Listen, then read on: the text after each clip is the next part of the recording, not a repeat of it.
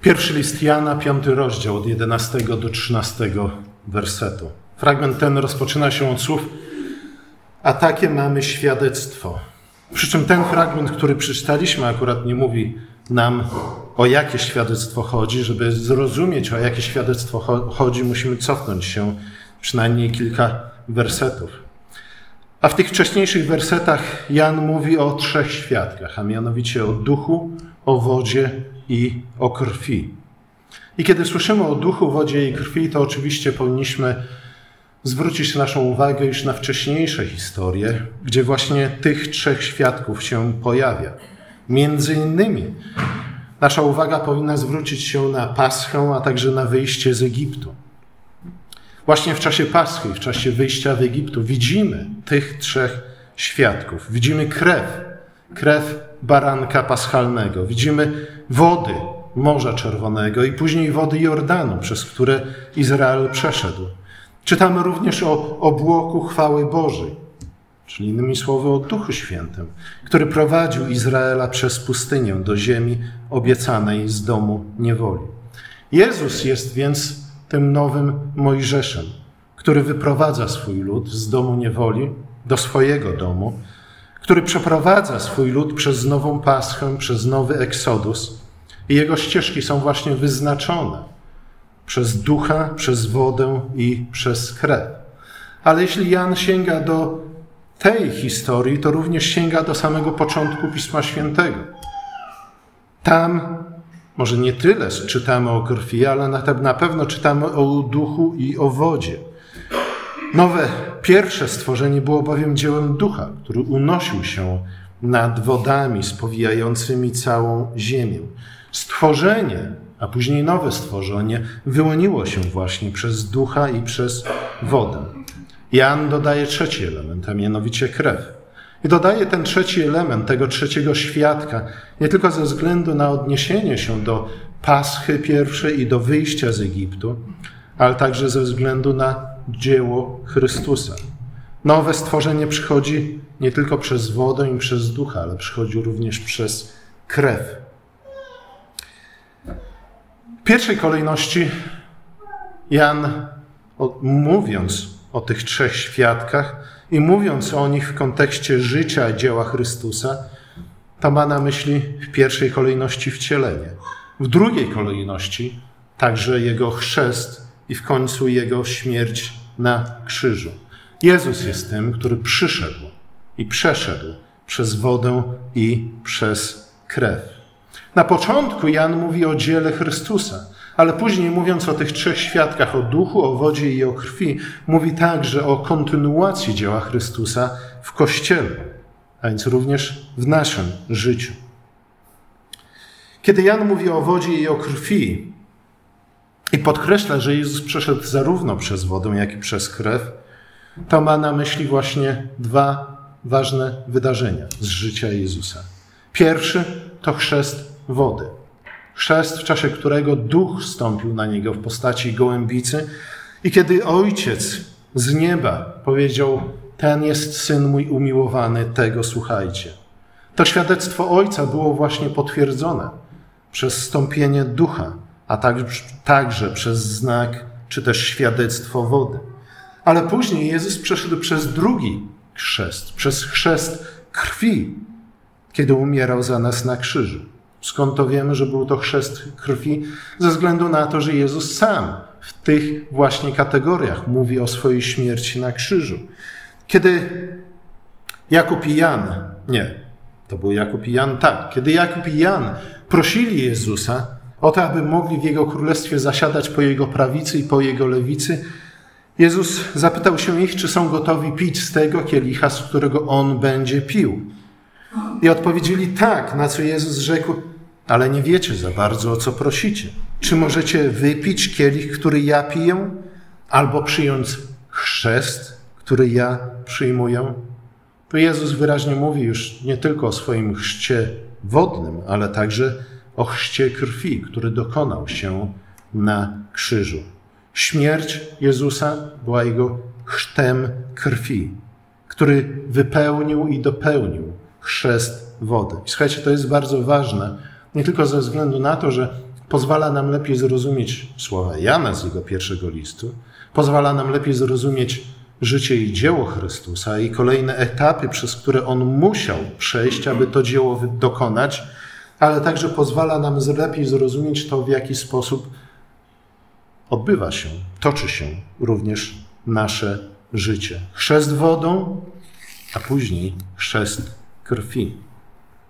Werset szósty, którego nie czytaliśmy, ale który zapewne pamiętacie, pomaga nam uchwycić właśnie ten polemiczny charakter słów Jana, jeśli pamiętamy o tym, co stało się podczas chrztu Jezusa.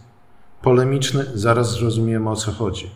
Był to moment, kiedy Jezus przeszedłszy przez wodę chrztu, otrzymał dar Ducha Świętego, kiedy niebo się otworzyło i kiedy sam Bóg Ojciec przemówił: Ten jest syn mój umiłowany, tego słuchajcie. Słuchajcie, takiego Mesjasza chcielibyśmy mieć. Takiego Mesjasza oczekiwali Żydzi. Na takiego Mesjasza zdaje się, że nawet Grecy byliby w stanie przystać. Mesjasz, bohater, heros, który przychodzi po to, aby wyzwolić nas i uratować nas z naszej niedoli. Ten, który przechodzi przez wodę, ten, na którego stępuje duch, ten, przy którego chrzcie otwierają się same niebiosa, więc miejsce, miejsce, które kojarzy nam się z pełnią szczęścia i z brakiem, nieobecnością jakiejkolwiek niedoli, z których to otwartych niebios dobiega głos bóstwa mówiący: Ten właśnie jest moim umiłowanym synem. Tego do Was posyłam, posyłam, aby uratował Was z Waszej niedoli, żeby wyprowadził Was z domu niewoli. Takiego Mesjasza chcemy mieć. Taki Mesjasz nie byłby zgorszeniem dla Żydów, taki Mesjasz nie byłby głupotą w oczach Greków. Wszyscy chcielibyśmy mieć takiego właśnie Mesjasza, ze względu na to, że w naszym wyobrażeniu taki Mesjasz wyznaczałby dla nas ścieżką, którą również my chcielibyśmy podążyć. Przejść przez chrzest wody, utrzymać Ducha Świętego, usłyszeć głos z nieba, a potem szczęście. Słuchajcie, na to liczyli mistycy, nadreńscy i inni, na to liczą wszyscy mistycy do tej pory. Przejść przez ten jeden chrzest, który skończy raz na zawsze naszą niedolę. Ale jak widzimy na przykładzie Jezusa, ten chrzest wody był tylko zapowiedzią kolejnego chrztu. Chrztu, bez którego nie bylibyśmy w stanie otrzymać życia wiecznego, o którym mówi Jan w swoim liście, a mianowicie chrztu krwi. Mesjasz, który umiera na krzyżu, na przyklętym drzewie krzyża. Mesjasz cały zlany krwią. I tutaj naprawdę warto jednak mimo wszystko obejrzeć sobie pasję Mela Gibsona. Ze względu na to, że właśnie taki Mesjasz był nie do zaakceptowania. Taki Mesjasz do tej pory jest dla nas często trudny do zaakceptowania. Ba, jeśli zrozumiemy, że ten Mesjasz był nie tylko prawdziwym człowiekiem, ale także prawdziwym Bogiem, to mamy już mieszankę wybuchową. Coś tak obraźliwego dla naturalnego umysłu, jak mówi Luther, że jest to dla nas nie tylko, że nie do przyjęcia, ale jest to dla nas zgorszenie. Dlatego później przez wieki i tak naprawdę do tej pory.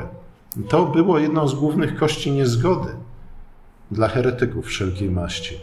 To niemożliwe, żeby ten, który jest nie tylko prawdziwym człowiekiem, ale także prawdziwym Bogiem, rzeczywiście umarł na krzyżu. Był zakrwawionym nie tylko Mesjaszem, ale także zakrwawionym Bogiem.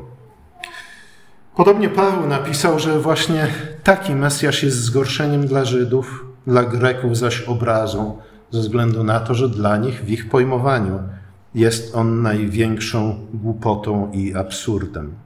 Bóstwo przechodzące przez chrzest wody i ducha miało jak najbardziej sens dla nich, ale nie bóstwo, które umiera na krzyżu, nie ten, który został skazany na śmierć krzyżową. Jan, Jan jednak głosi nam Mesjasza, który który przeszedł nie tylko przez wodę, ale przeszedł także przez krew, którego synostwo objawia się nie tylko w ekstazie chrztu wody, ale także, i to nawet w jeszcze pełniejszym stopniu, w powolnej agonii na krzyżu. I słuchajcie, może nam się wydawać, ale przecież to powinien być tekst paschalny, tekst na Wielki Post, na Wielki Tydzień, ale dlaczego na drugą, na drugą niedzielę świąt Bożego Narodzenia? Gdybyśmy uważnie słuchali jednego z dzisiejszych czytań, byśmy to zrozumieli. Ze względu na to, że dość wcześnie to było oczywiste, że właśnie taki chrzest, ten drugi chrzest, czeka dziesiątko narodzone w Betlejem. Właśnie z tego względu, już na samym początku, także serce Marii zostało przebite mieczem. To daje nam wgląd w nasze doświadczenie jako ludzi wierzących, tych, którzy identyfikują się z Chrystusem przez chrzest i przez wyznanie wiary. Jesteśmy wezwani do naśladowania tego, który przeszedł przez chrzest wody, ale także przez chrzest krzyża, czy też krwi. W naszym życiu również bywają momenty duchowego uniesienia, wzloty, ekstazy, ale jesteśmy wezwani do niesienia świadectwa nie tylko w takich chwilach, ale jesteśmy wezwani do dawania świadectwa aż do śmierci, aby dać świadectwo również z naszej krwi. I to jest ten element Ewangelii, który wolimy pomijać. Jesteśmy przyjęci do rodziny Bożej przez wodę, ale życie chrześcijańskie jest życiem nie tylko przez wodę, ale jest również życiem przez krew. Podobnie Jan odnosi się, prawdopodobnie Jan odnosi się tutaj konkretnie do chwili śmierci Jezusa. I to też, jak przyjrzymy się jeszcze raz, zwłaszcza opisowi śmierci Jezusa w Ewangelii Jana, powinno być dla nas dość oczywiste. U Jana czytamy, że kiedy żołnierz przebił bok Jezusa, co wypłynęło z jego boku? Woda pomieszana z krwią. Jan odnotowuje ten fakt, ale również podkreśla, że był tego faktu naocznym świadkiem. To on jako jedyny z apostołów był wtedy przy Chrystusie i widział tę wodę i krew wypływające z przebitego boku.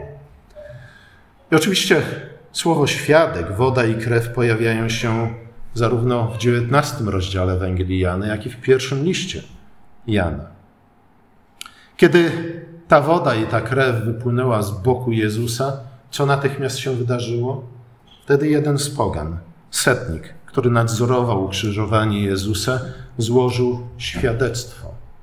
Z boku Jezusa wypływa woda i krew, i oto pierwszym tego owocem jest nawrócenie pogańskiego setnika, który mówi: Ten prawdziwie był synem Bożym. Słuchajcie, to jest bardzo ważny moment ukrzyżowania, ze względu na to, że to pokazuje nam moc świadectwa wody i krwi razem z wodą.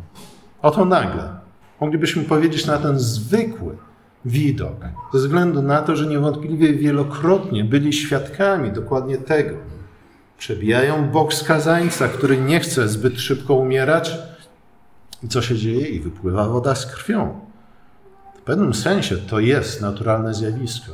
A jednak w tej chwili setnik mówi, to nie jest jednak nic normalnego. To jest świadectwo tego, że ten jest prawdziwie synem Bożym. Jezus w tym momencie staje się nowym Adamem, rodzącym Kościół, nową Ewę ze swojego boku. Jest nowym Edenem, z którego wypływają cztery rzeki na cztery strony świata.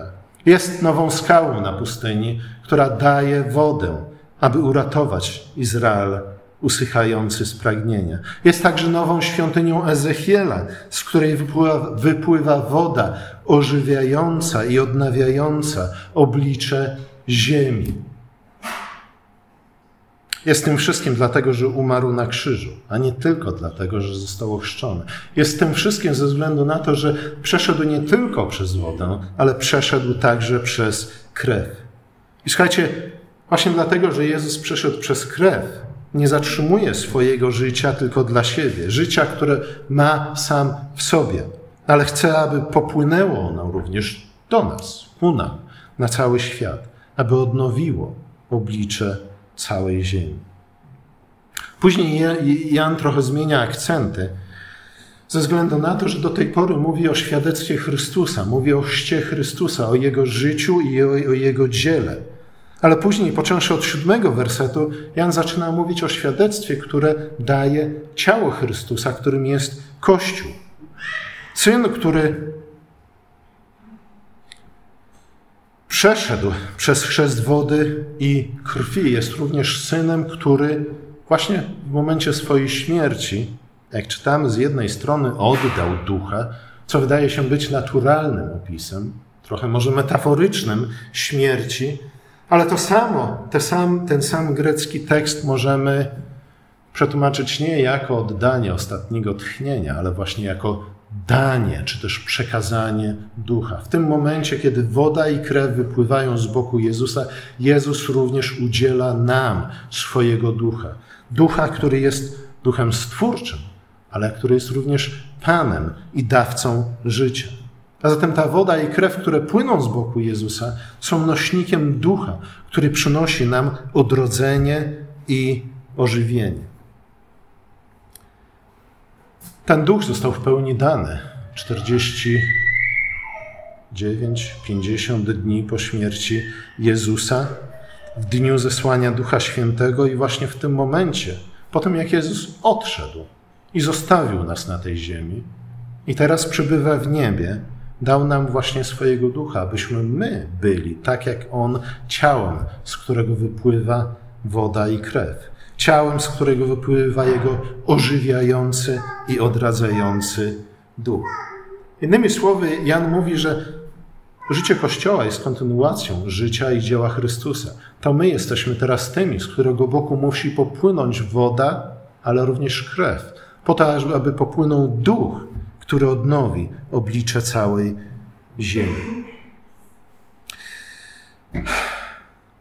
To właśnie Kościół teraz, my świadczymy o obecności i o mocy Jezusa Chrystusa tu na ziemi. Jan mówi o wodzie chrztu i o krwi wieczerzy pańskiej, mówiąc właśnie o tej naszej służbie. To są dwaj stali i nieustająco obecni świadkowie, również w życiu Kościoła. Zwykle synonimem Wieczerzy Pańskiej w pismach apostolskich, w, dzieła, w dziejach apostolskich jest łamanie chleba, ale tutaj, może ku pewnemu zaskoczeniu naszemu, Jan posługuje się innym synonimem Wieczerzy Pańskiej, mówiąc o krwi. Bo wydaje mi się, że oprócz krwi męczenników, która niewątpliwie była świadectwem, Pamiętamy o tym, że słowo greckie męczennik jest tym samym słowem, które możemy równie dobrze przetłumaczyć jako świadek ale świadectwem krwi w życiu i w historii Kościoła jest również krew wieczerzy pańskiej. Jezus może się tu oczywiście powołać na słowa samego Jezusa Chrystusa, który mówi o tym, że zresztą będziemy za chwilę słyszeć te słowa, iż kielich jest czym? Jest nowym przymierzem. Jest świadectwem ustanowienia przymierza. Jest krwią, która przypieczętowuje każdej niedzieli odnawia przymierze, jakim Chrystus złączył się swoim ciałem. Duch zatem świadczy o nowym przymierzu, otoczony przez świadków przymierza, jakimi właśnie są woda chrztu i wino eucharystyczne. Ci świadkowie zyskują na sile poprzez obecność Ducha Świętego w Kościele, w ciele Chrystusa. Ducha, który został dany podczas chrztu Jezusa i, który, i w którym Jezus ofiarował samego siebie w ofierze na krzyżu. Woda chrztu, krew wieczerzy są skutecznymi świadkami Jezusa, gdyż Duch działa w nich oraz poprzez nie. A świadectwo Ducha, jak wiemy, możemy zaufać ze względu na to, że Duch jest Duchem prawdy, jest samą prawdą i ponieważ świadectwo ducha jest świadectwem samego Boga Ojca. Jezus jest napełniony zatem duchem w chrzcie, ale namaszczony zbawcą, który nie uwalnia duch, nie. Jezus jest namaszczony duchem, ale zbawca, który nie uwalnia tego ducha, aby popłynął ku całemu, ku reszcie stworzenia, nie jest prawdziwym zbawcą. Na tym polega bycie zbawcą. że nie zachowuje tego, co otrzymuje od Ojca dla siebie, ale dzieli się tym z całym światem. Ale w jaki sposób dzieli się? Poprzez krew, ale poprzez wodę, ale również poprzez krew.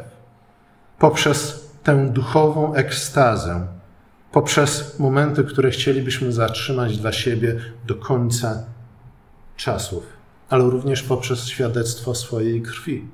Dlatego ten wątek tak bardzo jest rozwinięty, zwłaszcza pod koniec Nowego Testamentu, a i w szczególności w Księdze Apokalipsy,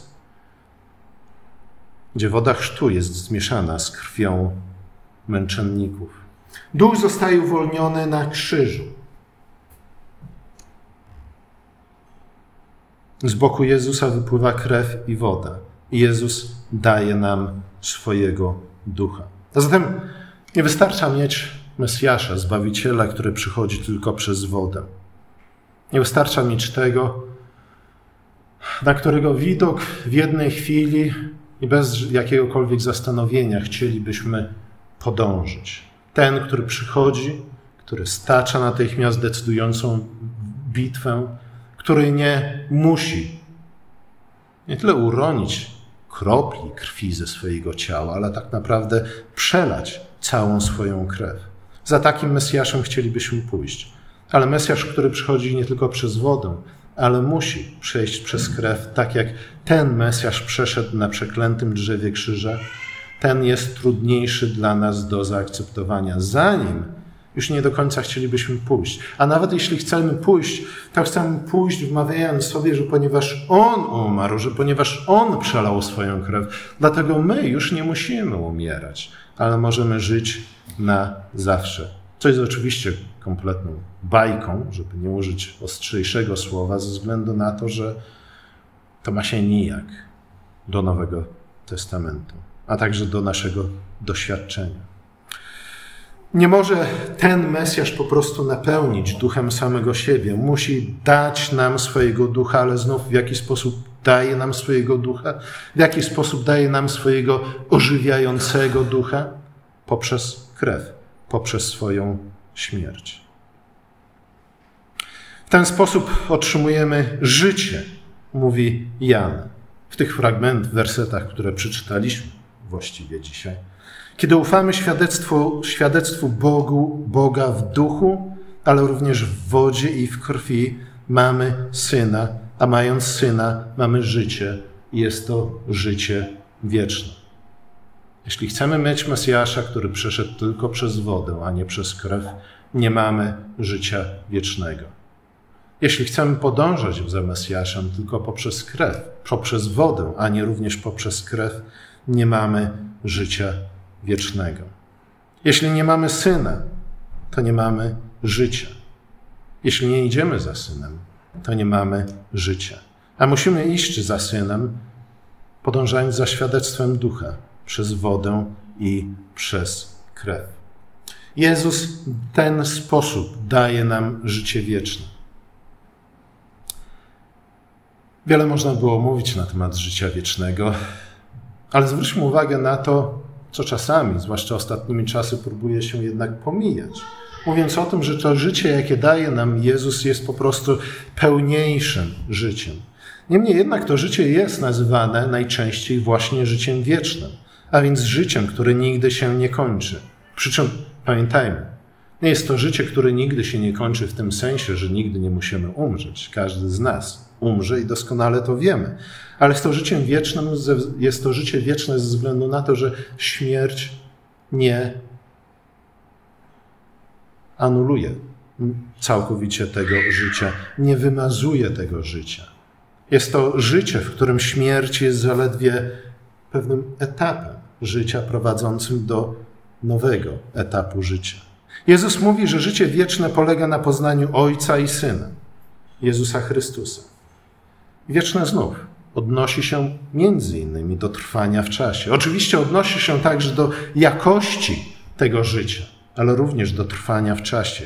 Nie powinniśmy tego ignorować, tego właśnie aspektu życia wiecznego, którym jest życie właśnie wieczne. Życie wieczne jest czymś więcej, oczywiście, niż wiecznym istnieniem, i to doskonale wiemy, ale jest między innymi życiem wiecznym.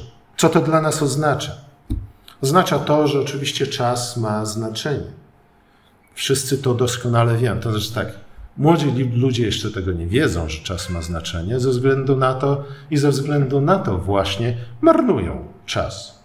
Może żyjąc nadzieją na życie wieczne, a słuchajcie znów, życie wieczne to nie jest tylko życie nieograniczone w czasie, to jest także również konkretny rodzaj życia, to jest konkretna jakość życia, ale to jest także życie wieczne. Dla wielu życie niesie niewiele radości właśnie z tego względu, że wiemy, iż ono kiedyś się skończy. Ze względu na to, że śmierć zawsze gdzieś tam czai się nad horyzontem, czyha na nas, nad, za następnym być może rogiem historii.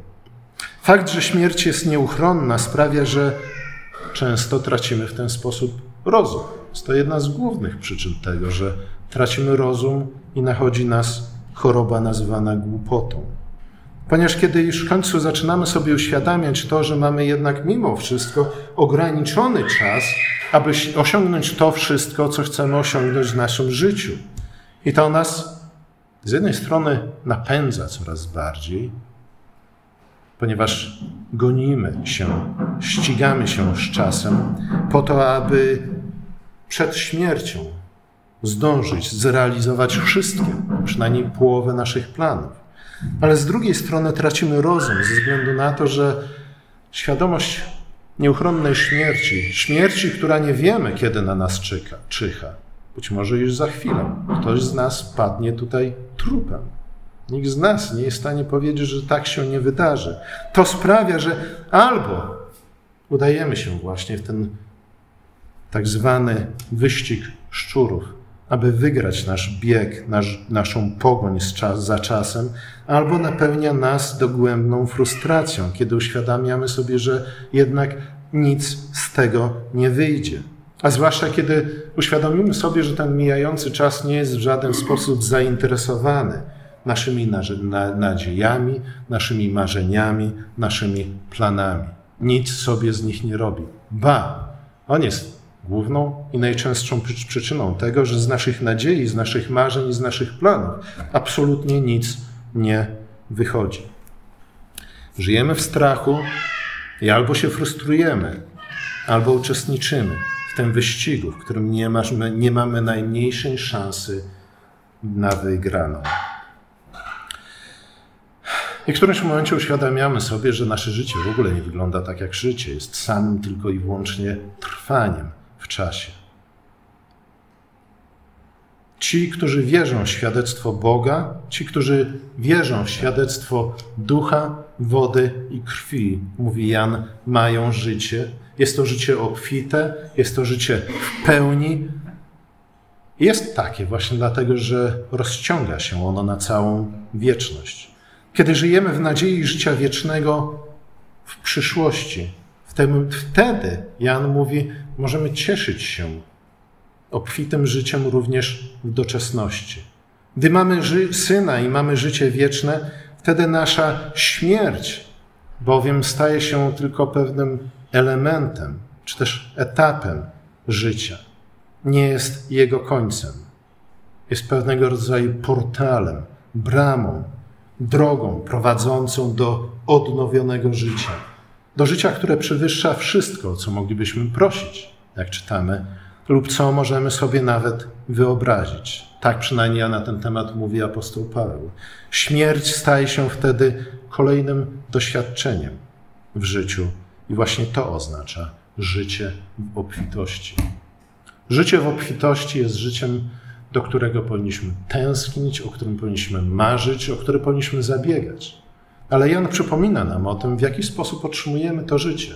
To życie otrzymujemy nie tylko poprzez wodę, nie tylko poprzez chwilę duchowej ekstazy, ale także poprzez krew. Wtedy, kiedy dajemy świadectwo tego życiu, temu życiu, czy też tego życia, do nie tylko pierwszej, ale też ostatniej kropli krwi, ze względu na to, że wtedy pokazujemy, że tak naprawdę zależy nam na tym życiu wiecznym, na życiu w obfitości.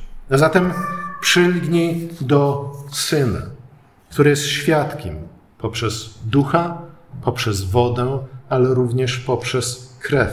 Przylgnij do Niego, a wtedy będziesz mógł cieszyć się życiem, któremu nigdy nie będzie końca.